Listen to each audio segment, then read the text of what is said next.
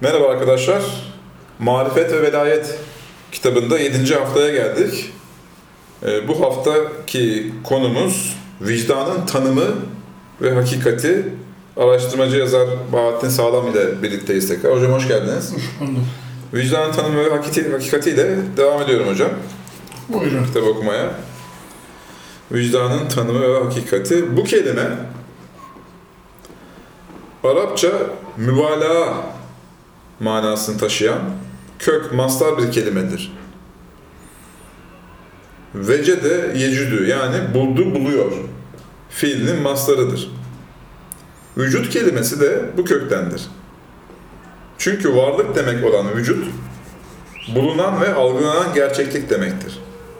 Demek vicdan kelimesi etimolojik manasıyla ve tamlık ifade eden kipiyle insanın karşıdaki nesneleri, olayları, manaları tam ve isabetli olarak algılaması, onlarla buluşması ve bu algı ve buluşta gereği gibi onları değerlendirmesi manasına gelir.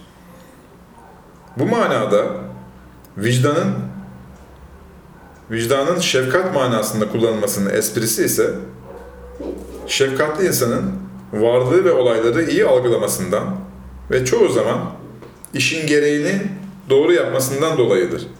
Yoksa vicdan asla acıma ve şefkat manasına gelmez. Genelde halk arasında acıma ve şefkat ve O etmek. bir ilişki var ondan. Değil mi hocam? Evet. Çünkü vicdan, şefkatli insan, acıyan insan doğru karar verir. Hmm. Hisseder, gerçeği hisseder, ona göre davranır. Dolayısıyla vicdan acıma manasında kullanılmış. O diğerlerine de acımasız olanlara da vicdansız demeleri oradan kaynaklanıyor. Oradan kaynaklanıyor. Vicdan, İslam'ın ilk iki asrında kullanılan bir kelime değildir. Bunun yerine karşılama, karşılaşma, dolayısıyla algılama manasına gelen ilka, tilka ve lika kelimeleri kullanılıyordu. Fakat ikinci asırda ontolojik manada vücut kavramı tartışılınca vicdan kelimesi temel bir kavram oldu. Daha sonra başta tasavvuf kitaplarında olmak üzere ilmi ve psikolojik bir deyim olarak kullanıldı. Lemeat ve Nokta Risalesinden anlaşıldığı kadarıyla vicdan kelimesinin ilmi ve terminolojik manası insan denen harika ve bilinçli varlığın karşıdaki herhangi bir gerçeği, özellikle en büyük iki gerçek olan Allah'ı ve ahiret hayatını tam ve eksiksiz olarak algılaması ve bu algının gereğini yapması demektir. Bu tanımı bu mu oluyor hocam? Evet, vicdan tam olarak budur. Allah'ı ve ahireti bildin mi, varlığıyla doğru tanıyorsun. Varlığını doğru tanıdığın zaman her şeyin gereğini yapıyorsun. Tam ve eksiksiz olarak. Tam ve eksiksiz olarak yapıyorsun, vicdanlı oluyorsun, dengeli oluyorsun. Bak çok ilginç. Bu iki yerde geçen fıtratı zişuur e, ifadesinin bilinçli ifadesini yapı- bilinçli yapı diye çeviriyoruz. Çünkü bugün birçok ilim dalında görüldüğü üzere her şey diğer her şeyi buluyor, algılıyor ve gereğini yapıyor. Evet. Kainatta her şey her şeyi algılıyor ve gereğini yapıyor. Sibernetik bilgisayarın yazılımı gibidir. Yani herkes birbirine bağlı her şey değil Her mi? şey birbirine bağlı, birbirine tamam mesaj taşıyor. Sonsuz bir iletişim var yani. İletişim var. Fakat insanın bulması ve algısı ekstra bir şekilde bilinçlidir. Yani kuantum ve sibernetik ilimlerince gözlemlenen bu evrensel etkileşimde eşya ve olaylar hatta canlılar algıladıklarının bilincinde değiller. Sistemin içinde iletişim devam ediyor ama onlar kendi bilinçlerinde Değiller. değiller. Veya bize göre öyle geliyor belki. Belki de biz öyle görüyoruz. Belki de biz öyle görüyoruz.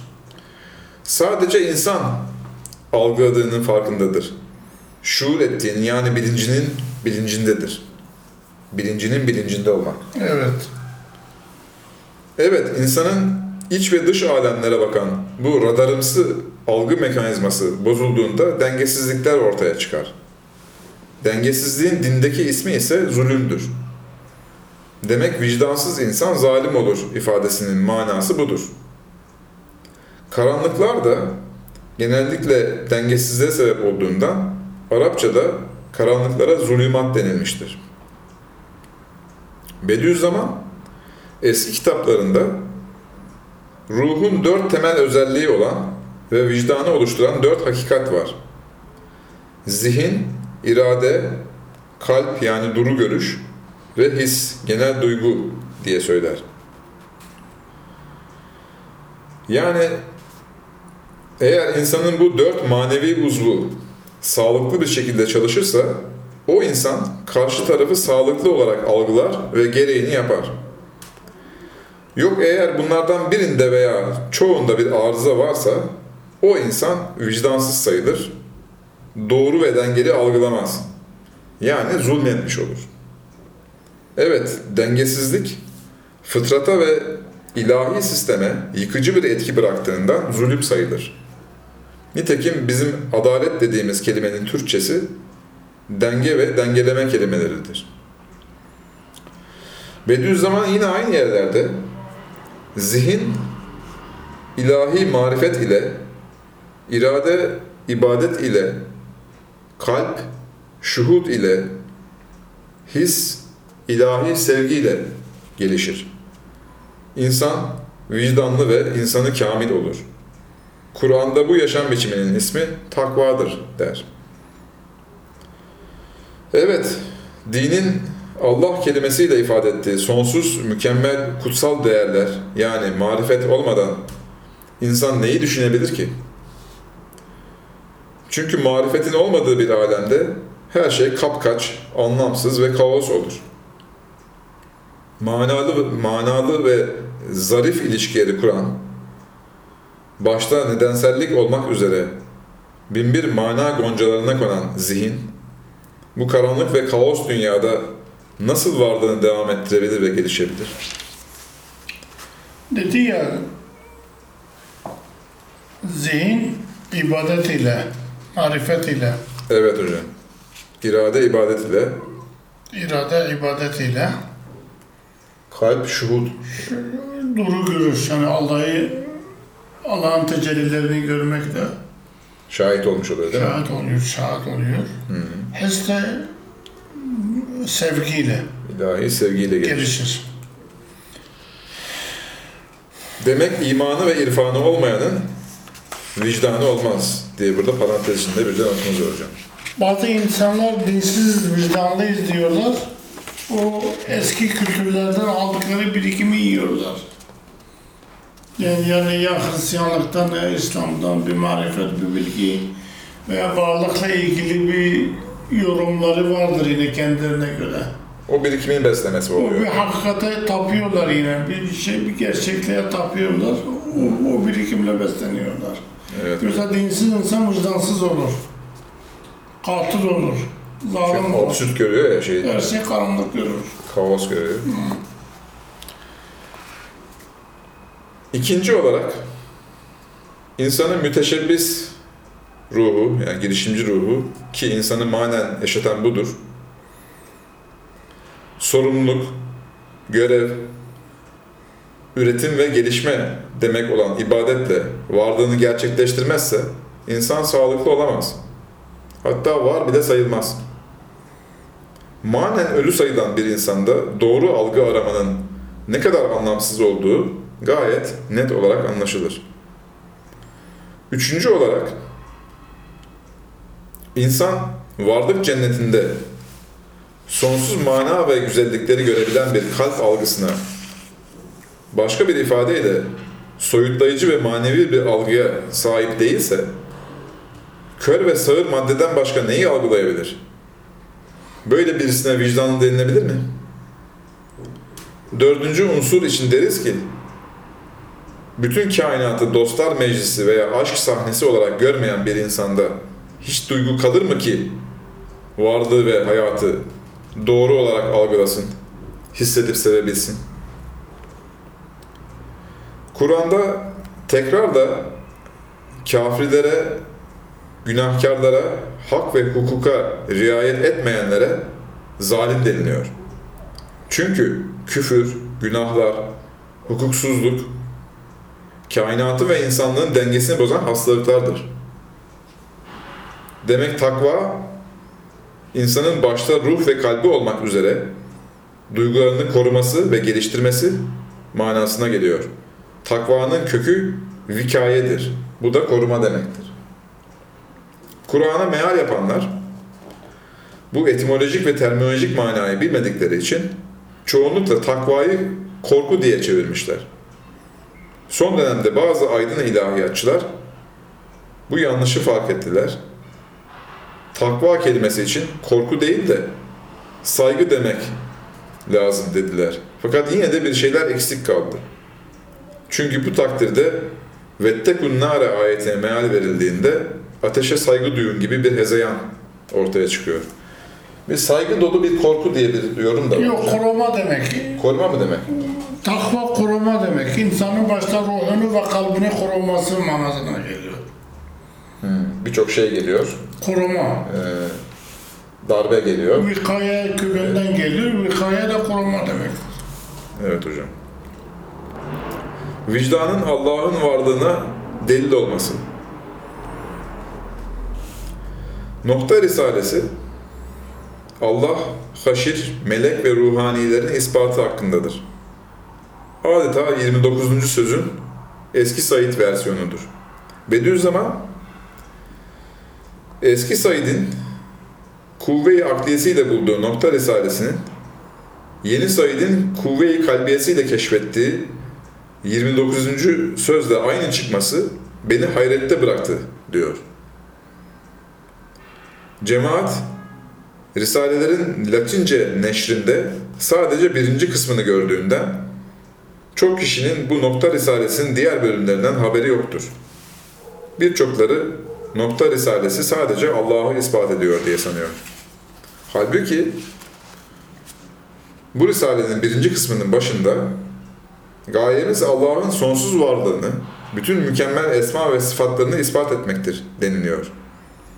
Sonra bu geniş gaye için dört burhan delil zikrediliyor. Dördüncü burhan, vicdan denilen fıtratı zi şuurdur. Yani insanın bilinçli yaratılışıdır deniliyor. Burhan, matematiksel, mantıki delil demektir. Mantık iliminde hiç çürütülemeyen kıyasların somut olarak ortaya çıkan neticesi demektir. Somut diyorum çünkü bu kıyaslarda daima gece gündüz, aydınlık karanlık gibi kavramlar kullanılır. Burada bu ispat konusunda vicdanın dilini anlamak için onun özelliklerine yönelik dört nükte gayet güçlü bir üslupla anlatılıyor. Burada ilave bir izah getiremeyiz. Sadece bu nüktelerin birbiriyle olan ilişkisine ve birkaç kelimesinin açıklamasına bakacağız. Şöyle ki, birinci nükte, fıtri ve tabii olan şeyler o kadar güçlüdür ki, hiçbir şey onlara karşı gelemiyor. Bu yasa ve yapılara Osmanlıca'da evamiri tekviniye denilir. Yani ilahi kanunlar anlamına mı geliyor hocam? Yaratılış kanunları. Yaratılış kanunları. Yaratılış kanunları. Mesela fıtri bir yazılım olan evliliğe Allah'ın emri deniliyor. Burada Allah'ın emri vahiy tarzında gelen emir demek değildir. Evlilikteki peygamberin kavli ile ifadesi de onun getirdiği yasalar ve hukuk çerçevesinde demektir. Hint Aryan dillerinde fıtrat manasına gelen nature kelimesi kırılmayan, bükülmeyen ve karşı konulmayan yapı manasına gelir. Demek insan bütün yaratılışıyla, bütün duygularıyla, bütün yaptıklarıyla açıkça ve net olarak diyor ki benim için bir dayanak noktası olan Allah, yani noktayı istinat olan Allah ve arzularımı içinde gerçekleştireceğim bir alan, yani noktayı istinat, medet, medet noktası olan ahiret olmazsa ben yokum. Demek fıtrat her sahada doğru söylediğine göre insanın bu bilinç yapısının, bu fıtri arzusunun ve bu şiddetli aşkının kesin olarak doğru söylediği anlaşılır. İkinci nükte. Vicdanın varlığının ispatı konusundadır. Üstad burada diyor ki, nasıl insanda beş dış duyu ve beş iç duyu var ve nasıl insana şevk veren altıncı duyu olarak bir şaika duygusu var. İnsanı bir yerlere sevk eden yedinci bir duyu olarak saika duygusu var. Nedir hocam bunlar? Şaika ve saika. Şevk veren duygu, sevk eden duygu. Yine seni bir yere vardıran duygu. Şaika şevk veren şevk veren duygu.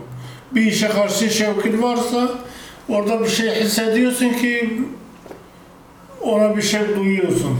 Hmm. Bir yere doğru gidiyorsan demek ki bir şey seni oraya sevk ediyor. sevk ediyor. Yedinci bir duyu. Onu orayı baştan alıyorum tekrar hocam. Nasıl insanda beş dış duyu ve beş iç duyu var ve nasıl insana şevk veren altıncı duyu olarak bir şaika duygusu var. İnsanı bir yerlere sevk eden yedinci bir duyu olarak saika duygusu var. Aynen öyle de vicdan yani iç algı denilen derin ve geniş bir duygu da vardır. Eğer vicdan dediğimiz bu iç duyunun varlığı ve bunun bir nokta istinada ve istimdada dayanma isteği ve dayanması bir yanılgıdır, bir vehimdir gibi bir itiraz gelse Bediüzzaman üçüncü nüktede şöyle cevap veriyor. Vicdanın bu yapısı harici yani somut maddi bir hakikat ve gerçekliktir. Ona hakikati nefsül emriye yani avuçlanabilir gerçeklik denilir. Demek vicdanın vazgeçilmez bu iki dayanak noktası yani Allah ve ahiretin varlığı vehmi olamaz. Çünkü hayali ve vehmi bir şey maddi yani harici ve fiziki bir gerçekliğin varlık ilkesi, temel sebebi ve dayanağı olamaz. Evet, vicdanın bu yapısı bütün kainatta gözlemlenen evrensel yararlılık ilkesine, her şeyi kuşatan harika düzene ve her şeyin zirvelere doğru olan tekamülü kadar bir realitedir. Halbuki eğer Allah ve ahiret olmazsa en değerli varlık olan insan hiç gelişmemiş, verimsiz, kaotik bir yaratık olur. Bu ise kainattaki düzen, yararlılık ilkesi ve gelişme gerçeğine aykırı olur. Ve yine eğer üst korteks tarafından yönetilen insanın akli melekelerinde bazen yanılgı ve kuruntu olabiliyor dense, Bediüzzaman dördüncü nüktede şöyle cevap veriyor. İnsanın akli melekeleri bazen fire verse de, bazen dursa da, bütün yaratılışın derin zekası olan fıtrat, asla fire vermez, asla susmaz ve asla durmaz. Şimdi bu dört nüktenin sonucunu metinden takip ediyoruz işte. Bu nükteleri bildikten sonra iç derin delil olan vicdana müracaat et. Göreceksin ki kalp bedenin her yerine canlılık verdiği gibi kalpteki insan bilincinin asıl çekirdeği olan yetkin bir yaratanı tanımaktır. Ki insanın e, sonsuz yetenekleriyle paralel olan e, amelleri yani dallanmış arzu ve istekleri canlandırır, tatlandırır ve değerli yapar. Yayar ve genişletir. Doğru mu hocam? Evet. İşte noktayı istimdat yani beslenme ve medet alma alanı budur. Ve kavga ve müzahametin meydanı olan, Sıkışmanın. sıkışmanın meydanı olan dağdağ hayata. Hayattaki karışıklıkla hücum eden alemin eee, binlerce musibet ve müzahamelere yani sayısız düşmanları ve musibetlerin hücumuyla beraber sayısız sıkışmaların verdiği tazikata, taziklere karşı biricik dayanak noktası yine Allah'ı bütün özellikleriyle bilmektir. Bildiğin zaman rahat ediyorsun yani. Evet. Sıkışma olma yaşanmıyor. Evet. Evet insan her şeyi hikmet ve intizamla işleyen bir sani hakime inanmazsa ve rastgele kör tesadüflere havale ederse o belalara karşı elindeki gücün yetersizliğini düşünse ister istemez dehşete telaşa kapılır, korkudan e, mürekkep, birleşik bir e, cehennem gibi ciğer yakan bir duruma düşecektir. O ise en yüce ve en güzel varlık olan ruhu insaniyetin her şeyden ziyade perişan olduğunu gerektirir. O ise intizamı kamile kainattaki nizam-ı ekmele zıt oluyor demiş. Bu nedir hocam açıklaması? Yani insanın ruhu en değerli şey iken varlık için, sistematiği içinde Evet, en kötü şey olması kainattaki düzene aykırıdır. ona zıt oluyor, aykırı oluyor. Yani en değerli şey, en değersiz, en adi şey duruma düşer. Evet hocam. Şu noktayı istinat ve noktayı istinatla bu derece nizam-ı alemde tam egemen olan bir düzen avuçlanabilecek kadar gerçek olan bir şeyin yegane özelliği olduğu için her vicdanda iki pencere olan şu iki noktada Sani Zülcelal'in vardığını ve yetkinliğini soyutu algılayan insanın derin bilincine daima tecelli ettiriyor, yansıttırıyor.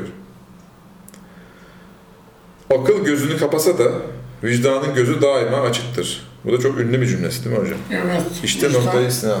Fıtrat bozulmamışsa bir insan aklen dinsiz de olsa vicdanlı olabilir. Akıl gözünü kapasa da vicdanın gözü daima açıktır. Vicdanı daima açık. Vicdanı henüz ölmemiştir. Burada noktayı istinada da yani dayanak noktasına da noktayı istindada da yani medet noktasına da marifeti sani kelimesini kullanıyor. Çünkü ahiretin varlığı ve dünyada dahi o manaların yaşanılması Allah'ın varlığına inanmaya bağlıdır. Ve çünkü ahiret Allah'ın isimlerinin somutlaşmış halidir. Onun için Üstad zamanında yaşayan ve bu sırrı bilmeyen bir müftü 10. söz ahireti ispat etmiyor. Allah'ın esmasını ispat ediyor diye itirazda bulunmuştur. Hocam vicdanın tanımı ve hakikati makalesi burada bitti. Çok teşekkür ederiz. Ben teşekkür ederim. Arkadaşlar bu hafta Marifet ve Velayet kitabının 7. makalesi vicdanın tanımı ve hakikati ne okuduk. Haftaya 8. nokta makalede buluşmak üzere. İzlediğiniz için çok teşekkür ederiz. Hoşçakalın.